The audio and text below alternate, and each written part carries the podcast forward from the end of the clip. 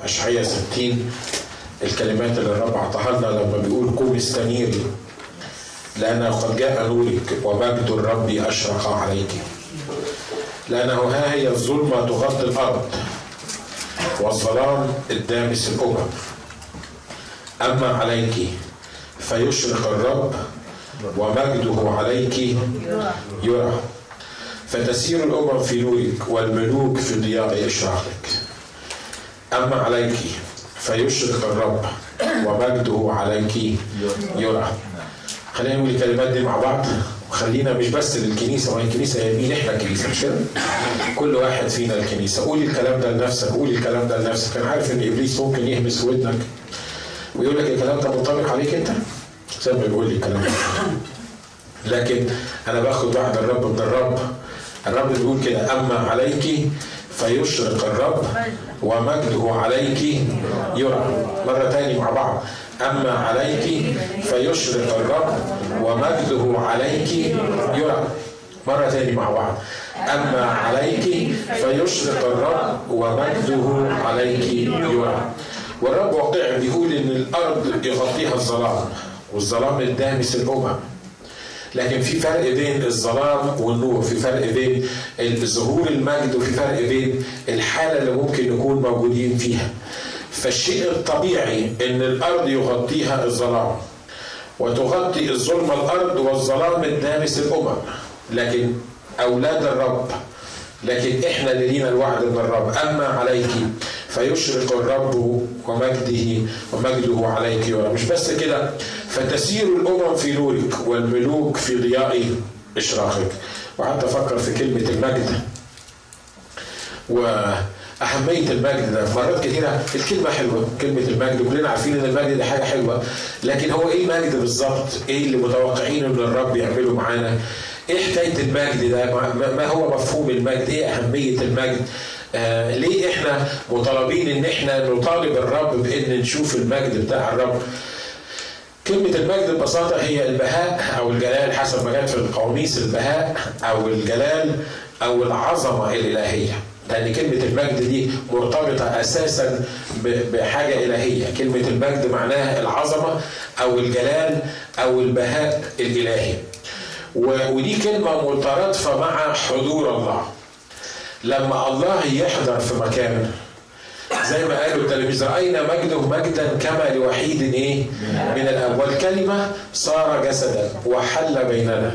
ورأينا مجده رأينا عظمته رأينا بهاءه رأينا الجلال بتاعه مجدا كما لوحيد من الآب. وخلي بالكم إنه المجد ده ما هواش حاجة بسيطة. لا المجد ده ما هواش حاجة يعني ممكن الواحد يستخف بيها. شفنا مجده شفناه ما شفناش مجده فخلاص إحنا مش خسرانين حاجة. يعني خلي المجد ده للناس الخدام ولا للناس اللي يعني عندهم خدمة كبيرة اللي محتاجين يشوفوا الحضور الإلهي والمجد والعظمة دي لكن إحنا كأفراد عاديين موجودين في الكنيسة ومش هيفرق معانا كتير إن إحنا نشوف مجده. الكلام ده مش مظبوط. لأن المجد الإلهي والحضور الإلهي ده زي الجاز أو البنزين اللي إحنا بنحطه في العربية عشان تمشي. من غير المجد الإلهي ومن غير الحضور الإلهي في حياتي العربية بتاعتي هتحشرك وتيجي على ال freeway وتقف. مرات العربيات بيعملوها معانا كده تيجي في حتة يعني يعني خطيرة جدا وتقف. وطبعا لما تقف في, في شارع مهم زي كده أو على ال freeway غير لما تقف في زاوية. فمرات كتير إحنا كمؤمنين كده بنبقى ماشيين ماشيين ماشيين زي اللي ماشيين على ال freeway. لو ضاع المجد الإلهي مننا تيجي على ال freeway وتقف. ولما تيجي على ال freeway وتقف تلاقي الدنيا كلها اتلخبطت. لما كنت في العراق المرة اللي فاتت آه واحد من الإخوة كان عنده القسيس بتاع الكنيسة كان عنده عربية قديمة شوية. الراجل طالع بيها الكوبري كوبري كده معين جت في نص الكوبري ووقفت.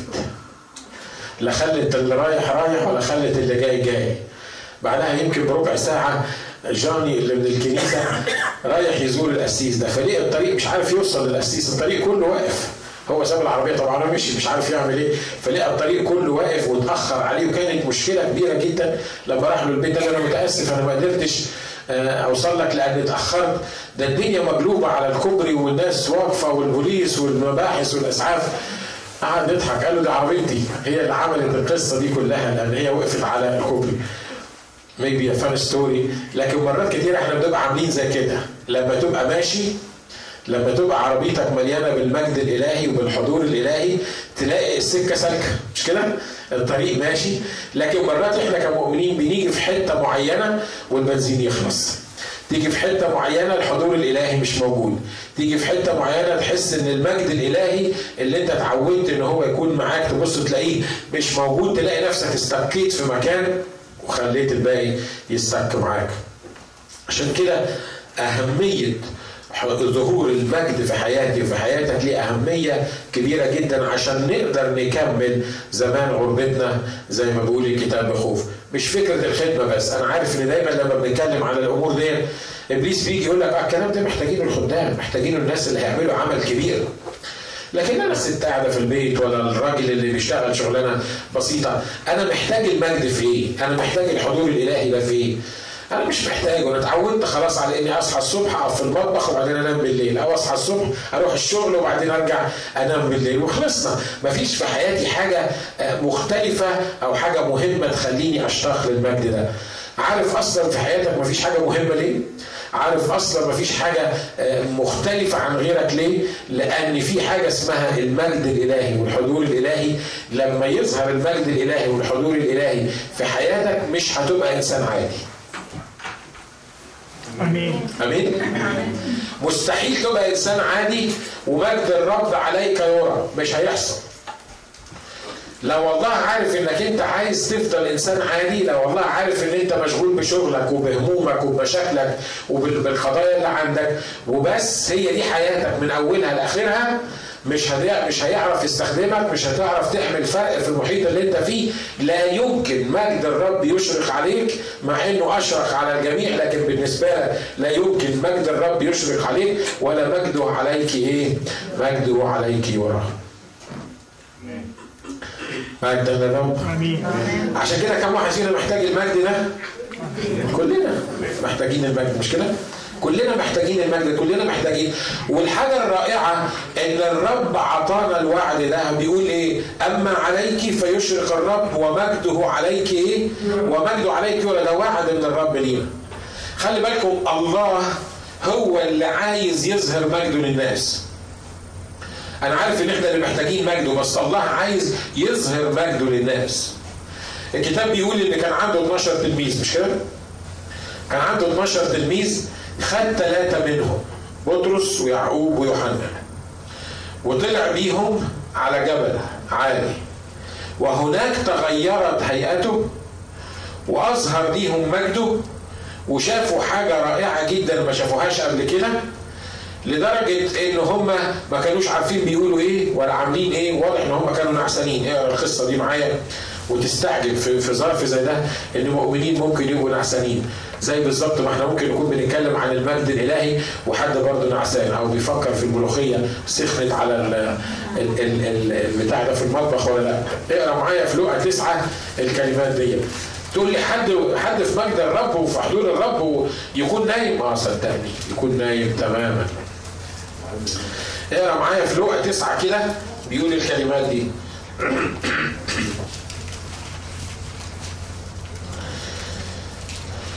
في لقا 9 23 بيقول وقال للجميع إن أراد أحد أن يأتي ورائي لقا 9 عدد 23 وقال للجميع إن أراد أحد أن يأتي ورائي فلينكر نفسه ويحمل صليبه كل يوم ويتبعني فإن من أراد أن يخلص نفسه يهلكها ومن يهلك نفسه من أجلي فهذا يخلصها. لأنه ماذا ينتفع الإنسان لو ربح العالم كله وأهلك نفسه أو خسرها؟ لأنه من استحى بي وبكلامي فبهذا يستحي ابن الإنسان متى جاء بمجده ومجد الآب والملائكة القديسين حقا أقول لكم أن من القيام ها هنا قوم لا يذوقون الموت حتى يروا ملكوت الله خلي بالكم إن مقدمة القصة اللي هنقراها بعد كده كانت إن الرب بيعلم مش كل الناس ما كانش بيتكلم عن مجد كل الناس كان بيكلم مين؟ بيقول إن أراد أحد أن يأتي ورائي يعني بيكلم الناس اللي ماشيين وراه بيكلم تلاميذه بيكلم أتباعه ما بيكلمش كل الناس. وواضح جدا إن مجد الرب ما يظهرش لكل الناس. مجد الرب ما يظهرش للناس اللي مش عايزة الرب. مجد الرب ما يظهرش للناس اللي, اللي الروحيات جزء ثانوي في حياتها. تعمل أي حاجة تاني غير إنها تفكر في الرب وفي مجده وفي عمله. فابتدى يقول لهم الكلام الصعب ده وإن أراد أحد أن يأتي ورائي واضح إن ناس كثيره كانت عايزة تمشي وراه ليه؟ ما تمشيش وراه ليه؟ ده بخمس ترغيفه وسمكتين بياكل 5000 واحد ده لما كانوا ماشيين وراه وشاف نعش ابن أرملة نايين ماشي لمس النعش وقوم الميت ده ما يمشوش وراه ليه؟ ده بيعمل معجزات وبيعمل حاجات عمرنا ما شفناها ده ياخد الناس معاه عند قبر كده وفجأة يصرخ لعازر هلم خارجا فالميت يقوم ده الراجل اللي بيقول للبحر اسكت يسكت للهواء اسكت يسكت يبكم يبكم ما يمشوش وراه ليه؟ فهم عايزين يمشوا وراه زي ما قال لهم في مرة قال لهم أنتوا مش ماشيين ورايا لأني شفتم الآيات وأمنتم وبتاع. لا ده أنتوا ماشيين ورايا ليه؟ لأنكم أكلتم من الخبز فحصل لكم إيه؟ فشبعتم. واحد لما بنجوع بيأكلنا ولما بنعطش بيسقينا. وبيعمل لنا معجزات انترتينمنت يخلينا نفرح ونشوف الحاجات الرائعة دي وكمان تعليمه كويس برضه ما فيهوش مشكلة. اهو دي يعني معلم صالح بيمشي لدرجة إن الناس قعدت وراه. ثلاث أيام لكن الرب بص له قال لهم لا لا لا لا بصوا بقى هتيجي عند نقطة معينة والرب يقول لك كده إن أراد أحد أن يأتي ورائي يحصل إيه؟ لينكر نفسه ويحمل صليبه كل يوم ويعمل إيه؟ ويتبعني بمعنى إن الناس اللي بتتبع الرب يسوع اللي ماشية وراه هم الناس اللي بينكروا أنفسهم وبيحملوا صليبهم وبيمشوا ورا الرب يسوع مش عشان معجزاته مش عشان عطاياه مش عشان هو إله حنين مش عشان هو بيديهم لا هم بيمشوا وراه لأن هم تلاميذه وعايزين يمشوا وراه. آمين؟ فبيقول لهم بيقول لهم القصة الكبيرة دي إن إن من يخلص نفسه يهلكها ولازم تمشي ورايا وتحمل صليبك وأنا متهيألي حد من اللي قاعدين كده حواليه أو اللي سامعين الكلام ده أنت فاكر نفسك مين يعني؟ يعني إزاي يعني أمشي وراك واحمل صليبي وأنكر نفسي. وأهلك نفسي و... أنت أنت فاكر نفسك مين؟ طبعا إحنا دلوقتي وإحنا قاعدين على الكنائس عارفين مين هو شخص الرب يسوع. يستحق ويستاهل إن هو يقول الكلمات دي وأنت تمشي وراه مش كده؟ ليه؟ لأن إحنا بنشوف الفيلم المعارض لكن معظم الناس اللي كانت ماشية مع الرب يسوع ما كانتش تعرف إن هو ابن الله. معظم الناس اللي كانت ماشية ورا يسوع ما كانتش تعرف إن هو الله ظاهر في الجسد. هم كانوا فاكرينه معلم وكان بقالهم 400 سنة ما شافوش معلم كده يعني غير يوحنا المعمدان يغير حاجة في التاريخ ولا حاجة روحية. فهم شايفين إنه راجل رائع كبير يمشي وراه. بس مش لدرجة إن هو يقول لهم إن أراد أحد أن يمشي ورائي فلينكر نفسه ويحمل صليبه ويهلك نفسه. لا إحنا ما اتفقناش على كده. إحنا اتفقنا إن إحنا نمشي وراك وإنت تبقى حلو وطيب معانا وتأكلنا وتشربنا وتصرف علينا ولما نكون عينين تشفينا والعيال اللي عندهم مشاكل تحلها. ده الاتفاق بيننا وبينك. لكن الاتفاق بتاع تهلك نفسك وت وت وتموت نفسك وتحمل صليبك والكلام ده إحنا ما اتفقناش عليه. ياما مؤمنين لما جم للرب كانوا متخيلين كده إن الحياة وردية وأنا عارف إن دي مشكلة بعض الخدام إن يقول لك تعالى للرب مش هيبقى عندك مشاكل. تعالى للرب هتعيش أسعد واحد في الدنيا. تعالى للرب مش عارف هتعيش طول عمرك منتصر. تعالى للرب مش عارف يحصل لك إيه. وأنا لو سمحت استاذن طب أنا ما اجيش ليه؟ أنا خسران إيه؟ ما أنا كده كده عايش في الهم والغم والتعب اللي أنا فيه فتعالى للرب هيعمل لك الحكاية دي وبعدين تكتشف إنك في اليوم اللي عرفت فيه الرب صحيح كان أسعد يوم في حياتك لكن يمكن كان يبقى أسوأ يوم في حياتك. ليه؟ لأن زي ما قال الكتاب أعداء الإنسان أهل إيه؟ أهل بيته، الأول كنت ترجع بتطوح وسكران ومراتك تقول لك كلمتين وان الله يحب المحسنين. النهارده ترجع فرحان وعمال تسقف تلاقي شياطين راكباها. ليه؟ عشان انت بترنم وبتسقف طب أجيب لك القديم؟ مرات كتيرة بنسمع الكلام ده. مش كده؟ لما لما كنت عايش بمزاجك كنت وكنت تعمل اللي انت عايزه ما كانش عندها مشكلة. لكن لما قابلت يسوع مخلص شخص لحياتك الدنيا كلها اختلفت. ليه؟ لأنه لأن أصبح في عداوة بينك وبين العالم. المقدمة دي بتقول إن السيتنج ده اللي الرب كان بيتكلم فيه. بيقول للناس أنت هتمشي ورايا تنكر نفسك تحمل صليبك تهلك نفسك تضيع نفسك. والناس كانت عايزة تعرف ده مين ده بالظبط؟ مين ده بالظبط اللي بيقول لنا تنكر نفسك وتحمل صليبك وتمشي وتهلك نفسك؟ ولو أهلكت نفسك تجدها ولو ما أهلكتش نفسك تخسرها يعني معلومات مش ماشية. يعني إزاي؟ يعني أهلك نفسي اجدها ما أهلكش نفسي أخسرها. أحافظ على نفسي تضيع. ما أحافظش على نفسي ت... ت... يعني يعني كلام مش مفهوم. فحب يقول لهم قالوا اسمعوا. الحق أقول لكم من القيام ها هنا. مش هيموتوا إلا لما يشوفوا ملكوت الله.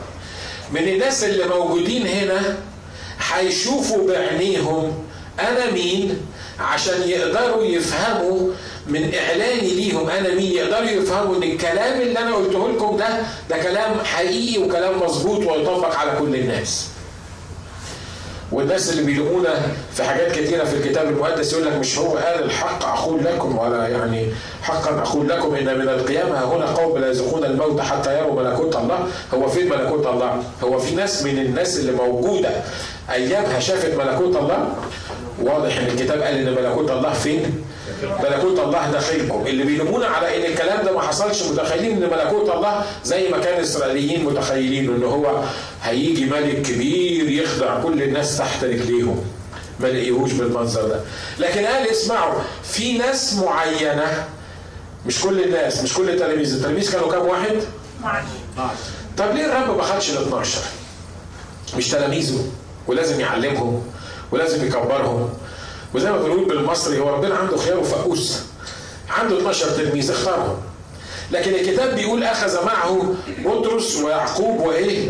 يوحنا. الدايرة الصغيرة دي وخلي بالكم الدايرة الصغيرة دي اللي كان بياخدها في كل الأماكن معاه اللي كان بياخدها في كل حتة يروح فيها. حتى لما كان عند الصليب كانوا دول قاعدين في حتة ودول كانوا موجودين مع بعض وبعدين انفصل عنهم راح ورانيا حجر وابتدى يصلي ويدهش ويجتهد فخد معاه الثلاثة دول ويقول بعد هذا الكلام بنحو ثمانية أيام أخذ بطرس ويوحنا ويعقوب وصعد إلى جبل ليصلي. وفيما هو يصلي صارت هيئة, هيئة وجهه متغيرة ولباسه مبيضا لامعا. وإذا رجلان يتكلمان معه وهما موسى وإيليا اللذان ظهرا بمجد. ما هو انت لما تتواجد في مجد الله انت كمان يحصل لك إيه؟ تبقى المجد ينعكس عليك هو موسى وايليا ليهم مجد أصلا في ذاتهم؟ ما لهمش مجد في ذاتهم مش كده؟ لأن هم بشر مثلنا، إيليا كان تحت الآلام مثلنا، وإيليا لما تقعد تفكر في في في الحاجات اللي عملها لما إحنا طبعا بنشوفه وهو طاير في الهواء على على السحاب والمركبة النارية يقول يا سلام لو أنا أموت بالمنظر ده أبقى قاعد وألاقي مركبة نارية كده تاخدني وتاخد بعضها وتمشي. يا سلام على ايليا وهو على جبل الكرمل وهو بيصلي وراحت نازله نار من السماء وراحت واكله الذبيحة ولحسه الدنيا كلها. يا سلام ايليا ده راجل رائع جدا. صدقني يا حبيبي قبل ما يتدخل في المركبه النارية دي كان قاعد يندم حظه ويشتكي شعب إسرائيل ويقوم ربنا ويقوموا عليهم ويقول له قتلوا انبيائك وهدموا مذابحك وبقيت أنا وحدي والإسرائيليين دول مستحقين وعاملين. الكتاب يقول إن إيليا هو اللي يشكوكم للرب مش الرب يسوع اللي بيشكي لكن إيليا هو اللي كان بيشكونا. يقول له مالك يا إيليا؟ ها هنا يقول له قتلوا انبيائك هدموا مذابحك وهم يطلبون نفسي. مين هم دول اللي يطلبون نفسك؟ دي واحدة ست. هي اللي بتطلب نفسك. دي, دي ايزابل مش حد كتير اللي كان بيطلب نفسه. دي ايزابل اللي هي هددته بعد الانتصار العظيم ده وإحنا مرات بنبص لبعض وإحنا منتصرين. لكن وإحنا خايبين ما بنبصش لبعض. وإحنا ضعفانين نلوم بعض. وإحنا فشلانين نشاور على بعض ونتهم بعض. ونسيء لبعض. لكن كل واحد فينا يحب العظمة بيحب ال ال الشكل الرائع. الكتاب بيقول إن ظهر موسى وظهر إيليا بإيه؟ بمجد. يقول لي ده موسى لا ده موسى ده كان قصة ثاني مو إيليا آه إيليا غلط كتير لكن موسى ده كان قصة ثاني صدقوني موسى برضه غلط كتير. مش كده؟ ها؟ ده أنا لو واحد لو جورج بوش بعت لي جواب بعت لي بتاع كارت معايدة كده ملوش لازمة مكتوب عليه إن آه، الأخ ناجي أهلا وسهلا بيك وكلمتين ما لهمش لازمة كده ومرة من تحتيه جورج بوش بيتهيأ لي الكارت ده مش هشوف الزبالة ابدا مش كده؟ ليه؟ لأنه ده ده من الرئيس ماضي عليه بإيده، لكن الأخ موسى نزل بلوحي آه، الشريعة مكتوبين الكتاب بيقول مكتوبين بإيه؟ بإصبع الله، يعني الله هو اللي كتب عليهم والأخ موسى صحيح عمل كده من الغيرة بتاعته لكن مسك اللوحين وشاف شعب إسرائيل، طب ما أنت عشت في وسطيهم وعارف إن ده شعب صلب الرقبة وقرفوك في عيشتك ألف مرة، اشمعنى المرة دي يعني تحمست واتغصت بالمنظر ده؟ وأول ما شافهم راح ماسك اللوحين اللي ربنا عطوهم له اللي مكتوبين وراح رازعهم في الأرض. ومرة تانية الرب يجيبه قدام صخرة ويقول له كلم الصخرة عشان يطلع منها مية. قال له أنا قرفت من الشعب دوت. هيموتوني. راح ماسك العصاية. هي فين المية اللي عايزة تطلع من الصخرة دي؟ وراح نازل ضرب في الايه؟ في الصخرة. الرب قال له انت ما قدستنيش قدام شعبي. انت ما احترمتنيش قدام الشعب. يا رب أنا بعمل كده من من منطلق الغيرة بتاعتي على على مجدك ومن منطلق رب الشعب دوت. الشعب دوت اللي شاف كل معجزاتك ودلوقتي بيحطوني في الموقف اللي زي ده. سيبك من الشعب سيبك من اللي حواليك. أنا قلت لك تكلم الصخره مش تضرب الصخره وكانت النتيجة إن الرب قال له أنت تشوف الأرض من بعيد. ومش هتخشها. مصيبة دي مش كده؟ ها؟ مصيبه أنا لو من لو من موسى ذلك جاتني سكته قلبيه في الوقت اللي زي بعد بعد كل اللي أنا عملته بعد كل عمر اللي أنا أفنيته بعد كل المشاكل اللي أنا استحملتها من الشعب الغبي صلب الرقبة ده شعب إسرائيل بعد كده تقول لي مش هتخش الأرض بتاعت الموعد؟ أنا هترأف عليك وهطلعك على جبل تشوفها من بعيد بعينيك. لكن أنت لازم تموت هنا. ليه؟ عشان ما مجدتنيش عشان ما قدستنيش. في عينين شعبك؟ أنت لازم تموت على الجبل. بس خلي بالكم بعد ما طلعوا فوق الكتاب بيقول ظهر له إيه؟ وهم فين؟ ظهر بإيه؟ بمجد. وتكلم عن خروجه الذي كان عتيدا أن يكمله في أورشليم. وأما بطرس واللذان معه فكان فكانوا قد تثقلوا بالنوم. عاملين إيه دلوقتي؟ نايمين. تثقلوا بالنوم. عارف لما تتثقل بالنوم؟ مرات تبقى غصب عنك. بتشوفها في العيال الصغيرين والعيال الكبار برضه. لما لما تبقى نعسان تبقى قاعد في الاجتماع تلاقي نفسك بتعمل كده واللي جنبك يروح خبطك في جنبك. بعدين تقول هو الاسيس ممل أصلا؟ نعمل له إيه؟ هو بينيمها هو بيبتدي يتكلم وبعدين إحنا بننام. خبطك في جنبك كده ويقول لك يقول لك اصحى. بنتكلم عن المجد الإلهي اللي ممكن يغير حياة الشخص ويصنع منه حاجة كبيرة جدا. والناس قاعدة بتفكر في في في مواويل كل واحد في مواله وكل واحد في اللي في اللي بعد الشغل هيعمل إيه واللي قبل الكنيسه عمل إيه والمشكلة بتاعت امبارح والمشكلة بتاعت النهارده. فكانوا قد تثقلوا بالنوم فلما استيقظوا رأوا إيه؟ قلتوا معايا فلما استيقظوا رأوا مجده والرجلين الواقفين معه ولما استيقظوا رأوا إيه؟ أصل المجد ما يبانش للنعسانين مش كده؟ الناس اللي عايزة تنام النعسانة الناس اللي زي ما بنقول بالمصري مبلطه في الخط بمعنى إنها مش فارق معاها الدنيا ماشية إزاي. اهي ماشية. اهم يومين بيتقضوا وخلصنا. الكنيسة حلوة حلوة مش حلوة مش ما إحنا يعني إحنا ربنا حاطينا عشان نصلح الكون الأمور ماشية عدل ماشية مش ماشية عدل. أهي تمشي زي ما هي. تمشي. لا الكتاب بيقول هنا فلما استيقظوا رأوا مجده. والرجلين واقفين معه. فيما هما يفارقانه قال بطرس ليسوع يا معلم جيد أن نكون ها هنا فلنصنع ثلاث مظار لك واحدة ولموسى واحدة ولإيليا واحدة. وهو لا يعلم ما إيه ما يقول. ليه؟ ما تلوموش بطرس كتير بطرس كان نعسان. كان نعسان متساقط بينهم بين بين صاحب أنا مش عارف إزاي كان الواحد يمشي ورا يسوع وينام. مصيبة دي مش كده؟ يسوع اللي مكتوب عنه إنه حلقه حلاوة وكله مشتهيات على فكرة أنا برضه لو كنت ماشي ورا يسوع ممكن أنام. أنا مش بقول إن هم يعني يعني عملوا حاجة عجيبة لأن الإنسان إنسان مش كده؟ لكن إزاي يمشي ورا يسوع ويسوع كلمات النعمة خارجة من فمه؟ أنا مش عارف شكلها إيه دي نقعد أفكر فيها كده متهيألي لو أنا ماشي مع يسوع المفروض أقعد لو قعد عم خمس أيام في بيتنا المفروض ما نمشي المفروض أنا أقعد بحلق له وهو قاعد يكلمني وأنا أتكلم معاه لأن هو ما كانش بيقول أي كلام ما كانش بيعمل أي حاجة. ده يسوع.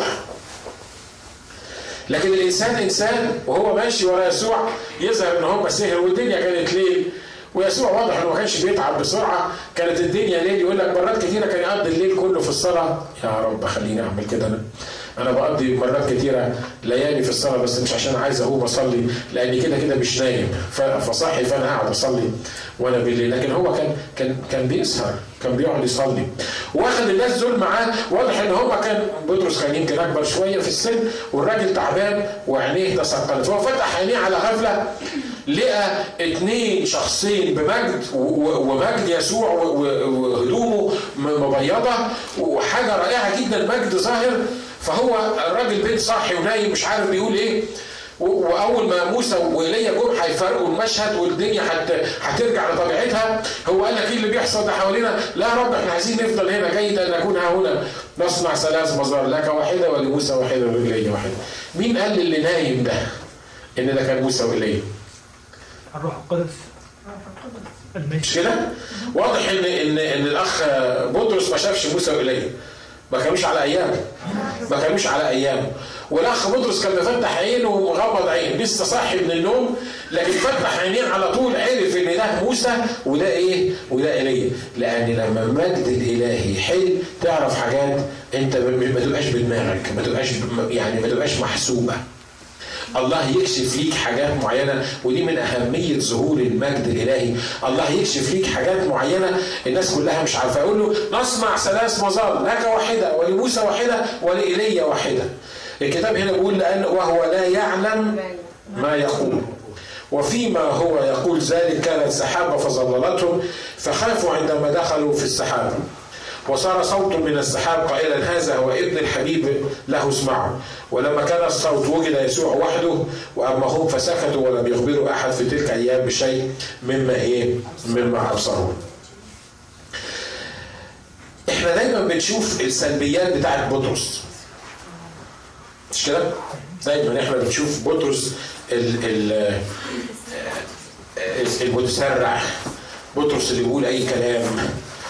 لكن خلي بالكم لما هنتكلم شوية في حكاية المجد دي أنا بشوف الحقيقة في السلبيات دي حاجات إيجابية مهمة جدا للي الرب عايز يعلن لهم مجده للشخص المتوقع إن هو يشوف مجد الرب أهمية رؤية مجد الرب زي ما بنقول علشان للتأكد ونفي الشكوك اللي بتبقى عندنا كبشر. زي ما بنقول إن الناس دول كانوا بيسألوه أنت مين عشان تقول لنا كده؟ أنت مين عشان ت... عشان تقول لنا إن لازم تنكر نفسك؟ أنت مين عشان تقول لنا إن لازم تحمل صليب؟ أنت مين عشان أسيب كل حاجة وأمشي وراك؟ والرب حب يثبت لهم وياخد عينة منهم يوري لهم المجد بتاعه يقول لهم أنا هو موسى وإيليا لما جم يتكلموا واضح إن موسى وإيليا دول كانوا أعظم نبيين عند شعب إسرائيل. موسى وإيليا دول كانوا حاجة تانية غير كل الأنبياء.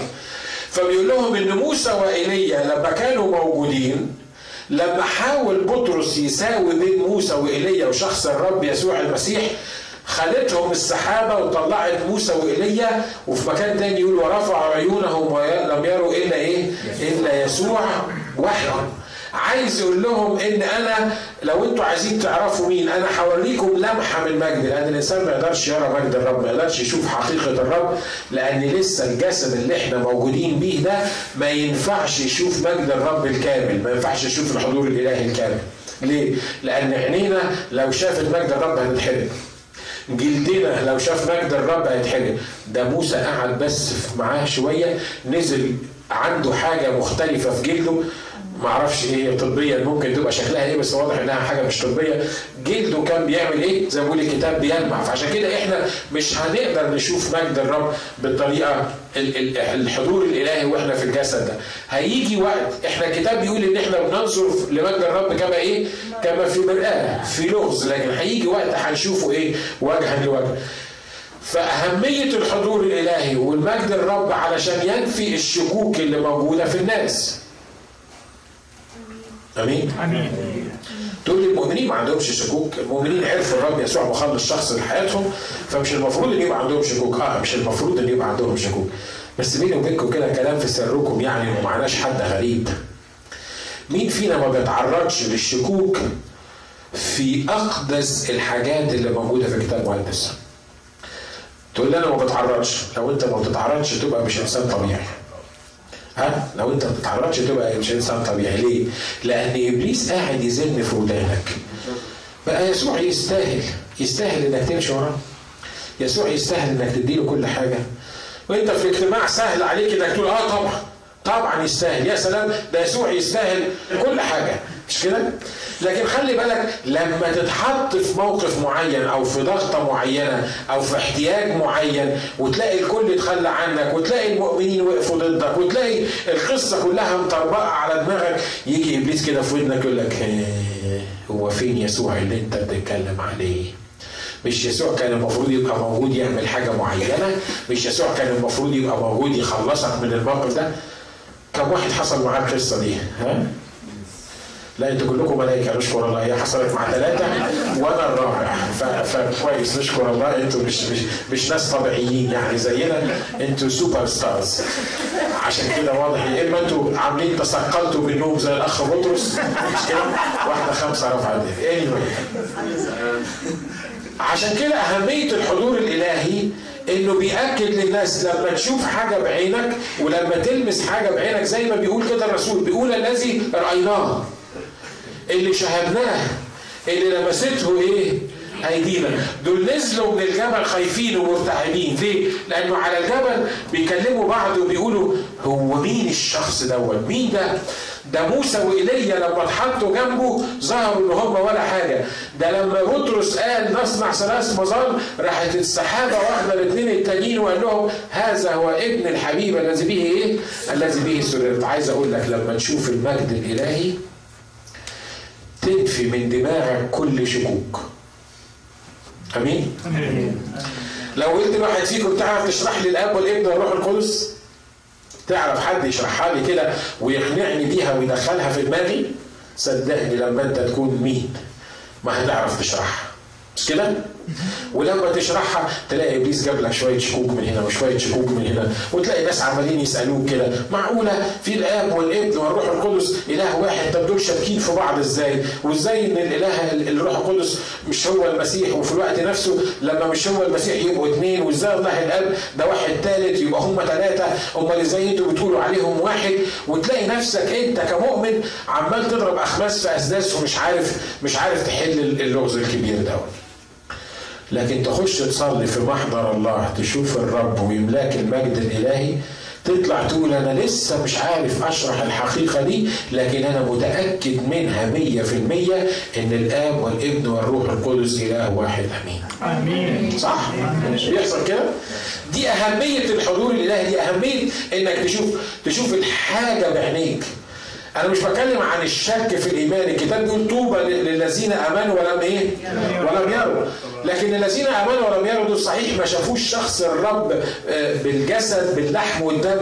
لكن الذين آمنوا ولم يروا الإيمان يخليك تشوف الله في كل يوم في حياتك. صحيح مش هتشوف له عينين ورموش وحواجب وودان. لكن الحضور الإلهي تطلع من الصلاة القعدة بتاعت الصلاة أو من الاجتماع تقول أنا قابلت الرب. يقولوا لك إزاي؟ قابلته إزاي؟ كان شكله إيه؟ ما تعرفش توصفه لكن تعرف إن في في كيانك حاجة حصلت تغيير حصل إعلان إلهي الحضور الإلهي تطلع من الاجتماع تقول إن أنا قابلت الرب. آمين. آمين. مرة بيسألوا واحد ملحد واحد واحد في بلد الحدية واحد ملحد بيساله بيقول له تعرف تقول لي شكله إيه الرب مفيش حاجة اسمها الله. الراجل ابتسم كده وقال له إزاي بتشككني في واحد كنت لسه قاعد معاه؟ مش كده؟ ها؟ في فرق بين انك تقعد مع الرب في الحضور الإلهي وتشوف مجد الرب. لما تطلع ما يقدروش يشككوك في أي حقيقة مسيحية ما يقدروش يشككوك في الكتاب المقدس. يقول لك أهو في الحتة دي بيقول لك ظهر له بعد 8 أيام في في يوحنا بيقول لك ظهر له بعد 6 أيام مش عارف فين ظهر له بعد س... هو ظهر له بعد 8 أيام ولا بعد 6 أيام ولا بعد 7 أيام. كتابكم محرف كتابكم فيه حاجات غلط كتابكم مش مش ماشي مع بعضه كتابكم بيناقض بعضه. وانت لما تقعد تحسبها بالعقل والمنطق تقول الحتة دي أنا مش عارف تفسيرها إيه وش معنى هنا قال عليها 8 أيام وهنا قال عليها 6 أيام تلاقي نفسك تعبت من التفسير دوت. لكن نقعد في محضر الرب الكتاب يشهد عن نفسه كلمة الرب الغيرة بتحصل حاجة فينا غريبة مش ممكن تحصل بأي طريقة طبيعية غير قراية الكلمة. آمين. مش كده؟ بيقولوا مرة واحد جه للقسيس قال له قال له ما بفهمش الكتاب المقدس. أنا عمال أقرأ ما بفهمش. بيعمل له إيه ده؟ ما بيفهمش. يعمل له إيه؟ قال له أنا مش قادر أقرأ الكتاب تاني لأن ما بفهموش. قال له لا لازم تقرأ. قال له بس أنا ما بفهموش. كل ما أقعد أقرأ في الكتاب ده ما بفهموش. فالراجل عايز يديله درس عملي. فقال له طب خد السبت ده. عارفين السبت؟ اللي هو ما أعرفش بيسموه أنتوا إيه في العراق. علاقة علاقه فقال له خد العلاقة دي وروح عند البحر املاها أو السله فقال له فقال له املاها لك إزاي البحر هي السلة هتنفجر البحر هتسمع كلام خد بس ال- ال- السلة دي ولا السبت ده وروح املاها من البحر. فالراجل عشان القسيس طلب منه الحكاية دي قال لك أما نشوف القسيس ده عايز يقول إيه نروح عند البحر. فيعمل كده للسبت ويرفعوه. المية تشر من السبت وبعدين يملى تاني المية تشر من السبت راح خد السبت للقسيس قال له ما أنا قلت لك أنا قلت لك إن ال- السبت ده مش هشيل ميه اديني رحت وطوعتك أهو. أنا رحت وحاولت املى السبت ما اتملاش ميه قال له لكن إيه رأيك؟ السبت ده زي ما أنت خدته ولا حصلت عليه حاجة جديدة؟ قال له الحقيقة نضف قال له بس أنت حتى لو مش فاهم كلمة الرب كلمة الرب بتعمل فيك أنت كده. لما تقرأ كلمة الرب لما تعيش في كلمة الرب لما تتعامل مع كلمة الرب ما تعرفش إيه اللي حصل جواك لكن بننطفى آمين. صح؟ ما تعرفش إيه اللي حصل جواك لكن في حاجة معينة بتحصل في حياتك. الكتاب بيقول فتح كلامك ينير يعقل الإيه؟ يعقل الجهال. يعني لما تحس إنك بتستغبى زيي في بعض المواقف الاحتياج بتاعك إنك تروح تفتح كلمة الرب فيعقل الإيه؟ يعقل الجهال. علشان كده الحضور الإلهي اللي في كلمة الرب والحضور الإلهي في الكنيسة والحضور الإلهي في التسبيح أنت ما تعرفش بيعمل فيك إيه لكن يعمل حاجة يغيرك من جوه حتى لو أنت ما فهمتش إيه اللي حصل معاك. عايز تجرب الحكاية دي؟ اقعد أسبوعين ثلاثة ما تحضرش الاجتماع أنا مش بنصحك تعمل كده. لكن أنا بقول لك يعني كمثل عام تقول لك الاسيس قال بقى أسبوعين ثلاثة أجازة. الأسبوعين اللي جايين أجازة. الاسيس على المنبر قال اقعد أسبوعين ثلاثة لا لا أنا بكلمك جد. أنا الأسبوع اللي ما بحضرش فيه اجتماعات برجع لورا. أنا بتكلم عن نفسي. يمكن أنت راجل more strong يعني في الإيمان عني. أنت حر. لكن أنا بكلمك عن الأسبوع اللي أنا ما بحضرش فيه الاجتماع برجع لورا. اليومين اللي بقراش فيهم الكتاب لأي شكل بأي شكل من الأشكال برجع لورا. الأيام اللي ما برنمش فيها وما سبحش فيها برجع لورا لما الميدة تتعمل وما أخدش الميدة برجع لورا يا ترى ده اختبار حد فيكم ولا ولا أنا بس مش كده؟ عشان كده خلي بالكم إن الحضور الإلهي وظهور المجد ده مهم جدا للتأكيد ونفي إيه؟ الشكوك. الحضور الإلهي وال وال وال والمجد بتاع الرب مهم جدا لتغيير الحياة. الكتاب قال لا يضعون خمرا جديده في زقاق إيه؟ عتيقة. يعني إيه؟ يعني الخمره دي اعتبرها هو المجد الإلهي. أو الحضور الإلهي الحضور الإلهي ما يبقاش في الزقاق العتيقة يعني إيه ما تبقاش ماشي زي ما أنت في نفس الطريقة اللي ماشي بيها بنفس ال ال الريتم الممل بتاع حياتك ما فيش حاجة جديدة فيها وفجأة تيجي يوم الحد تصلي وترفع ايديك وتقول له ارني مجدك. احضر فوق جوايا. خليني أشوف أنا إيه اللي بيحصل معاك. ما ينفعش. علشان الله يريك مجده علشان الله يحل فيك بحضوره لازم ال wineskin ده أو الزقاق ده أو القربة ال- ال- الجلد دي اللي موجودة تتغير عشان لما الله يحط فيها خمر جديدة يحصل إيه؟ تقدر تشيل الخمر. بيقول لك لو حطوا الخمر الجديدة في الزقاق العتيقة يحصل لها إيه؟ تتشقق والخمر يضيع. يعني لو الله أعلن لي مجده في الحالة اللي أنا موجود فيها في, في وأنا مش عايز أتغير مش عايز أشوف مجده لو الله فجأة أعلن لي مجده في الزقاق القديم ده ده مش هيطلعني لقدام ده هيشقني ويضيعني. عشان كده موسى قال له أرني مجدك. رد عليه قال له إيه؟ قال له الإنسان لا يراني ويعيش. أنت فاكر إن الموضوع سهل؟ أنت فاكر إنها ببساطة كده؟ ارني مجدك؟ قال له لا. ده أنا عشان أوريك لمحة من مجدي دي عايزة إعداد. ده أنا هاخدك في حتة في الجبل وهحطك في صخرة وهغطي الصخرة دي وبعدين همشي قدامك وبعدين تشوف ظهري تشوف إحساناتي تشوف تشوفني أنا بطريقة مختلفة عن اللي في ذهنك اللي أنت عايز تشوفه. عشان كده الحضور الإلهي بيعمل على تغيير الناس. لازم الناس يبقى عندها استعداد تتغير وماشية في طريق التغيير يقوم الرب يعلن ذاته ليها ويغيرها. بولس الرسول بيقول اللي بيشكر الله لازم يعبده من أجداده بضمير صالح.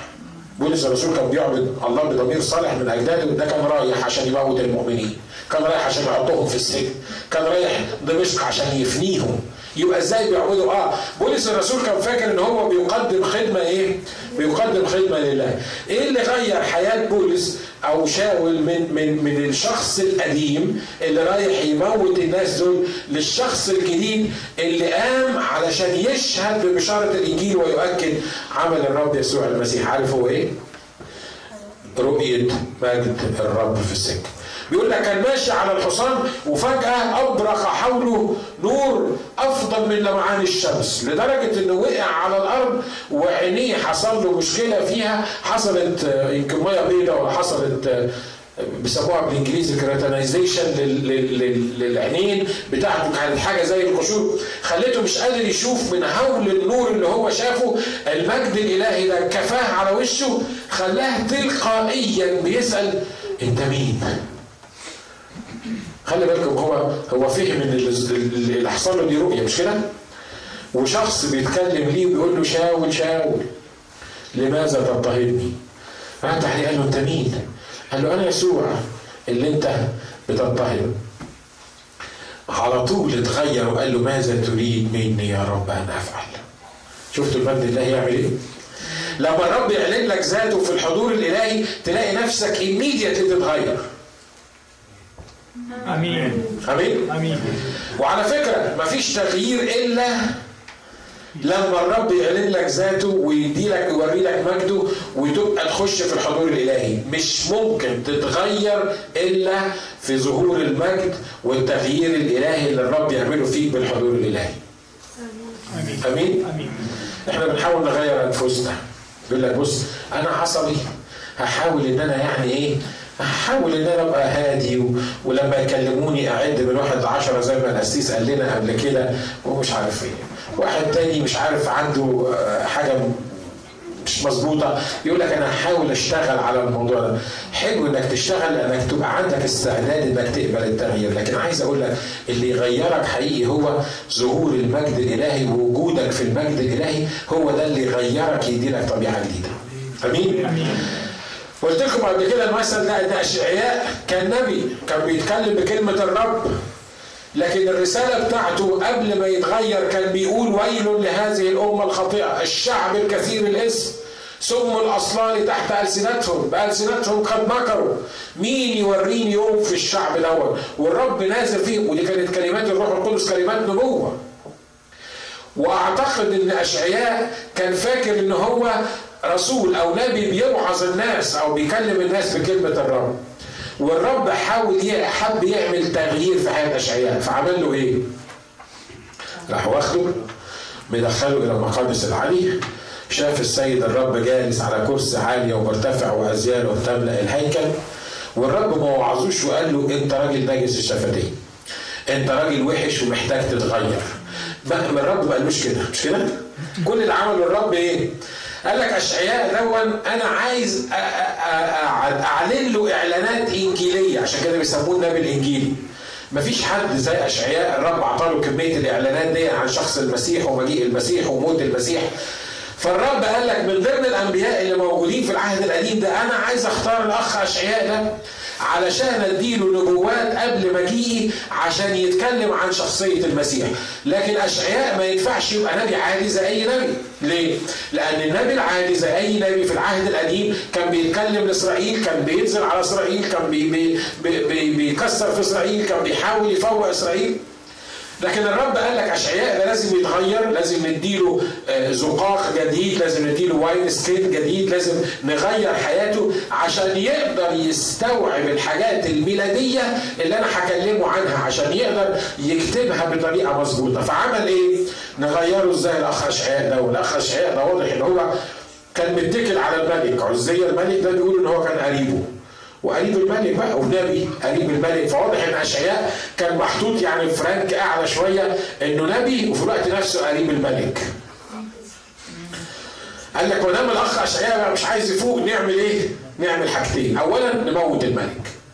اللي هو متكل عليه ده عشان يفوق وعشان يعرف انه إيه ملوش غير الرب. الحاجة الثانية عشان اغير أشعياء اعمل إيه؟ تعالى أخده أوريه الحضور بتاعي وأشعياء يكتب كده يقول في سنه وفاة عزيه الملك رأيت السيد الرب جالس على كرسي عال ومرتفع وأزياله تملأ الهيكل السرافين واقفون فوقه لكل واحد ستة أجنحة باثنين يغطي وجهه وباثنين يغطي رجليه وباثنين يطير وهذا نادى ذاك وقال قدوس قدوس قدوس رب الجنود مجده ملء كل الأرض فاهتزت أساسات العتب وامتلأ البيت دخان فحصل له إيه؟ فصرخت وقلت ويل لي لأني إنسان نجس الشفتين وساكن وسط شعب نجس الإيه؟ إيش عرف الأخ أشعياء ان هو نجس الشفتين؟ الروح القدس ما شاورش عليه ولا ولا الله وهو قاعد على كرسي العالي وقال له بص أنت إنسان زي باقي الناس أنت إنسان نجس الشفتين أنت إنسان محتاج إنك أنت تتغير. لكن الكتاب بيقول إيه؟ بمجرد ما أعلن له مجده بمجرد ما شاف القصة دي قال ويل لي. ليه؟ لأن إنسان نجس الشفتين ومش قال أنا ساكن وسط شعب نجس الشفتين وأنا كمان نجس الشفتين. لا ابتدى يقول إيه؟ لأن إنسان نجس الشفتين وساكن وسط شعب نجس الإيه؟ نجس وسط الشعب نجس الشفتين. وهو ده أهمية الحضور الإلهي فينا وأهمية المجد اللي الرب ياخدنا ليه. مستحيل تعرف حقيقة نفسك إلا في الحضور الإلهي. آمين. آمين؟ آمين. مرات لما بنحس إن إحنا منورين بنحس إن إحنا منورين. أخ فلان ده أخ منور الاخ ده أخ رائع جدا. لكن علشان تبان الظلمة اللي في ناجي والظلمة اللي في غير ناجي لازم يقارن بالشمس لازم يقارن بشيء أفضل من لمعان الشمس. عود الكبريت لو ولعته في الضلمة يعمل فرق. مش كده؟ يعني لو معاك شخاطة وتعمل كده في في الضلمة هتعمل فرق هتعمل فرق. لكن خلي بالك لو جبت ال- ال- الكلوب اللي قوته مثلا 100 واط ولا 1000 واط وحطيته قدام الشمس ما تشوفش النور بتاع الكلوب ال 1000 واط ده مش كده؟ ليه؟ لأن الشمس الكبيرة ظهرت فالنور بتاع ال 1000 واط دور كأنه بقي إيه؟ كأنه بقي ظلمة. عشان كده لو عشان أعرف حقيقة نفسي وياما بننسى الفكرة دي. ويا ما بناخد فكرة غلط عن نفسنا. عشان أعرف حقيقة نفسي أنا محتاج يحصل لي إيه؟ أخش أتلامس مع المجد الإلهي مع الحضور الإلهي. في الحضور الإلهي أبتدي أكتشف حقيقة نفسي. أمين؟ أمين. يا ترى إحنا محتاجين الحضور الإلهي ده كل قد إيه؟ كل يوم. بيتهيألي كل يوم. مش كده؟ ده بيتهيألي كل اليوم ما هي المصيبة إن إحنا مرات ما بنبقاش في الحضور الإلهي. ما إن إحنا ما بناخدش بالنا من الحكاية دي. لكن أهمية المجد والحضور الإلهي هو إنه يغير الشخص ده. أنا اؤكد لكم إن بطرس ويعقوب ويوحنا بعد ما نزلوا من على الجبل كانوا متغيرين. ليه؟ الرب بالنسبة لهم مختلف. فهموا حاجات عنه. الكتاب بيقول إن هم كانوا ناس خايفين مرتعبين. وقدر يستخدمها الروح القدس مع يوحنا. بعد كده لما يقول الذي رأيناه إحنا شفنا كنا معينين معينين مجد. بطرس بيقول كنا معينين مجده على الجبل. شفنا مجده شفنا التغيير الحقيقي اللي, اللي صار عليه. إحنا تلامسنا مع شخص الايه؟ شخص المسيح. آخر حاجة أقولها لك. إن أهمية المجد الإلهي وإنك تكون في الحضور الإلهي مهم جدا للشهادة. ما تقدرش تشهد عن الرب إلا لما تبقى مليان بالإيه؟ بالمجد الإلهي. والشهادة دي بتنقسم يا إما إنك بتوعظ أو بتتكلم وفي الحاجة الوقت نفسه عمل القوات والعجائب. تفتكروا إيه اللي بيعمل القوات والعجائب لما الناس تروح تصلي للمرضى وغيرهم؟ مرات كتيرة بنتخيل إن هو الفكرة هي إيه؟ جفت ربنا عطاني موهبة الشفاء. وعطى الأخ فلان موهبة النمو وعطى الأخ فلان موهبة حاجة وإحنا عندنا الموهبة دي فأي مرة ناخد الموهبة دي ونروح نحضر اجتماع نصلي للعيانين المفروض يشفوا. ما نصليش للعيانين ما يشفوش. نتكلم بنبوات نتكلم بنبوات. لا في نقطة missing هنا في موضوع ال gifts دي. موضوع ال gifts دي بتشتغل في الحضور الإلهي. آمين. ها؟ مفيش حد فينا عنده gift معناها إنه ماشي بمزاجه بيتصرف بمزاجه بيحكي في مزاجه بيقول بمزاجه بيعيش بمزاجه وبعدين عايز يخش اجتماع من الاجتماعات دي ويلمس كام واحد عيانين يروحوا ناطين على على الكراسي وراجعين ليه؟ ما أنا عندي أصل الموهبة. ربنا عاطيني الموهبة. لا لا لا لا. أنا وانتوا عبارة عن قناة بنوصل الحضور الإلهي للشخص اللي قدامنا. لما تبقى ماشي في الحضور الإلهي تلاقي المعجزة بالنسبة لك سهلة جدا. تيجي تقول لي امال إحنا ليه صلينا للأخ فلان بدل ما يروق مات؟ واي مش هو الكتاب قال هذه الآيات تتبع المؤمنين؟ يخرجون الشياطين باسم ويتكلمون بألسنة جديدة يضعون أيديهم على المرضى فيبرؤون أمال ما بيحصلش معانا ليه؟ لا الكتاب ما قالش إن دي تتبع المؤمنين حاجة أوتوماتيك كده لا أصلا المؤمنين المفروض اللي بيفترض فيهم إن الحضور الإلهي والمجد الإلهي اللي هو مجده عليك يرى ده موجود فيهم عشان كده اللي بيعمل المعجزات وبيغير الناس وبيلمس وبيدي لك قوة على الشهادة هو إيه؟ الحضور الإلهي اللي موجود فيك المجد الإلهي اللي موجود فيك. آمين. لو المجد الإلهي مش موجود فيا لو الحضور الإلهي مش موجود فيا لو قطعت نفسي قدام الشخص العيان مش هيروح. صح. أنا عايزك تفهم النقطة دي مهمة جدا. الموضوع مش up to me الموضوع هو إن الحضور الإلهي اللي موجود جوايا المجد الإلهي اللي بيشرق عليا هو اللي بيشفي الناس مش أنا اللي بشفي الناس مش موهبة مش مجرد الموهبة هي اللي بتشفي الناس لكن حضور الله في حياتك هو اللي بيعمل كده أنتوا فاكرين بولس لما كان ماشي واللي عليها روح عرفة كانت عمالة تقول هؤلاء هم عبيد الله الحي الذين يولدون لكم بطريق الخلاص الكتاب بيقول حاجة مهمة كده يقول لك حصل إيه؟ تعرف حصل إيه ساعتها؟ الكتاب بيقول إيه؟ فامتلأ بولس من الروح القدس ونظر إلى الروح وإيه؟ أوت طلع هو ليه بيقول امتلأ بولس من الروح القدس؟ مش هو بولس كان من المؤمنين الايات التي تتبع المؤمنين يخرجون شياطين لكن الكتاب هنا بيقول إيه؟ فامتلأ بولس من الروح القدس وراح باصص للست دي وراح أمر الروح النجس انه يطلع منها. عارف الحكاية هو إيه؟ امتلأ بولس من الحضور الإلهي امتلأ بولس من المجد الإلهي. لما يمتلي بولس من المجد الإلهي لا الشياطين ولا العفاريت تقدر تقف قدامه بمجرد ما تشوف الشياطين الحضور الإلهي فيك وفيا الشياطين لوحدها هتصرخ وتطلع. آمين. آمين. امين اللي بيفرق بين مؤمن ومؤمن هو الحضور الإلهي والمجد الإلهي مش فكرة المواهب وتيجي تحط إيدك على خدك وتقول هو ربنا مش عاطيني مواهب أنا ليه زي الأخ فلان؟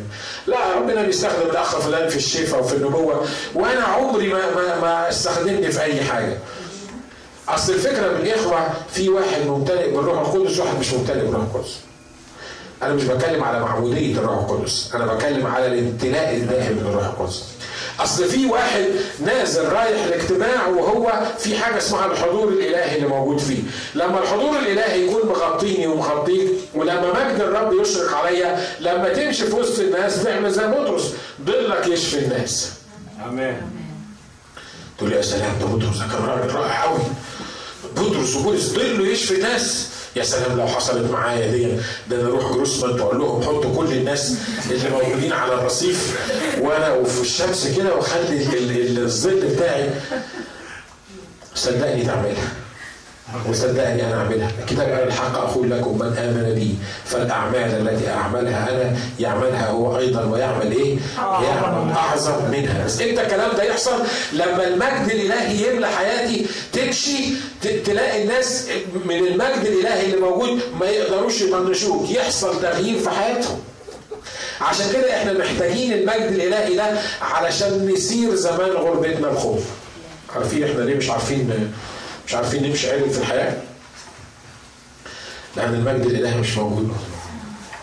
المجد الإلهي يخلي إبليس يترعب منك. مش كده؟ في واحد راجل عندنا في الصعيد كان كان بجلابية. وكان آه، أنا سمعت عنه ما شفتوش. كان ما بيعرفش يقرأ ويكتب وكان راجل يعني يعني تشوفه كده ما, ما لا تعتد به. بيقول لك لما كان يمشي جنب الشياطين الشياطين تصرخ.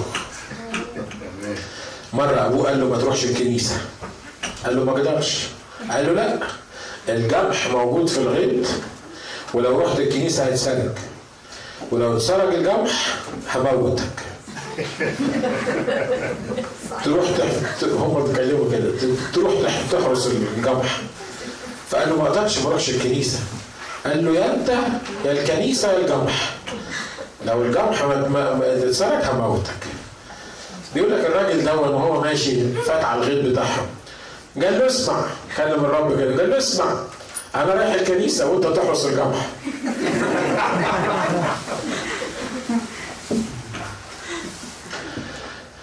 والراجل راح الكنيسة وبعد كده جم يسألوهم بيسألوا أبوه بيقولوا له أنتوا كنتوا مأجرين الرجالة اللي كانوا بيحرسوا الجرود بتاعتكم دي منين؟ حرامية بيسألوا بيسألوا أبوه بيقولوا له إحنا حاولنا نقرب من الغيط بتاعكم لقينا رجالة راكبة فرسان واقفة حوالين ال- الغيط ما قدرناش نسرق القمح بتاعنا ده لا متعلم ولا قسيس ولا حاجة خالص بس هو في حاجة اسمها إيه؟ في حاجة اسمها الحضور الإلهي. القسيس يمين بطرس مرة حكى الحكاية دي بيقول راح يطلع شيطان على واحد وخد معاه واحد من الإخوة في الكنيسة. فالراجل بيقول لل- للشيطان باسم يسوع تطلع. راح الشيطان قال له بس ما تزعقش. انت فاكر نفسك إيه؟ ده انت القسيس بتاعك بيقول لك احضر الاجتماع بقاله ثلاث سنين وانت مش عايز تقفل المصنع بتاعك يوم الأحد. جاي تزعق لي أنا وتقول لي باسم يسوع تطلع. قال له ده انت زمان لما كنت في الريف لما كنت في القرية بتاعتكم كنا بنشوف خلي بالكم الشياطين اللي بيتكلموا. قال له كنا بنشوف كنا بنشوفك وإحنا قاعدين تحت الشجرة وأنت فايت من الشارع كنا بناخد بعضنا ونهرب لألا تخلي بالك وتطلع حد فينا من المكان اللي إحنا قاعدين فيه. دلوقتي جاي تقول لي باسم يسوع تهرب. هو ده نفس الشخص اللي كان بي- بيطلع الشياطين اللي دلوقتي بيقول للشيطان يطلع الشيطان بيقول له أنت تقعد ساكت لأنك أنت بتعمل حاجة غلط اللي فارق في الموضوع هو إيه؟ حضور الهي الحضور الإلهي. ومجده عليك يرى. لما مجد الرب علينا يرى نمشي في الكهون الكون تتغير مش إحنا عايزين الكون تتغير؟ مش إحنا بنقول كده؟ صدقوني. لما مجد الرب يضيء عليك تخش مطعم تلاقي ناس بيسألوك أنت مالك؟ أنت متغير. في حاجة مش مظبوط يعني حاجة غريبة فيك. لما تتكلم مع حد الحضور الإلهي هو اللي بيعمل الشغل عشان كده يا جماعة يا إخوة أخوات إحنا محتاجين الحضور الإلهي. أنا محتاج الحضور الإلهي. أمين. أنا محتاج إن مجد الرب يشرق عليا. خلي بالك إن الرب وعدنا إن السنة الجاية في ناس من اللي موجودين هنا بقول في ناس مش كل الناس لأن يمكن مش كل الناس بتمنى إن يكون كل الناس وأكون أنا أولكم الناس اللي تقدر فعلا تاخد المجد الإلهي ومجد الرب يشرق عليها فيكون ليها الكلمة الأولى والأخيرة في الأمور لأن الكتاب قال الإنسان الروحي يحكم في كل شيء ولا يحكم فيه من أحد. آمين. كم واحد اشتغل الحضور الالهي ده خلينا إحنا رؤوسنا مع بعض. قول يا رب أنت كلمتنا النهارده عن أهمية حضورك في حياتنا وأهمية المجد في حياتنا. وإحنا يا رب بنتجاوب معاك النهارده. إحنا رب عارفين الأهمية دي وبالروح القدس شرح لينا الكلمات دي. إحنا عايزين يا رب المجد الإلهي إحنا عايزين يا رب الحضور الإلهي ده. عايزين الحضور الإلهي اللي ينفي كل شكوكنا وكل ما نفكر فيه.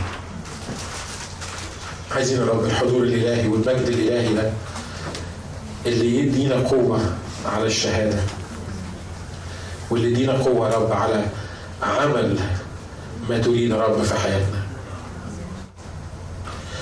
عايزين قوة حضورك.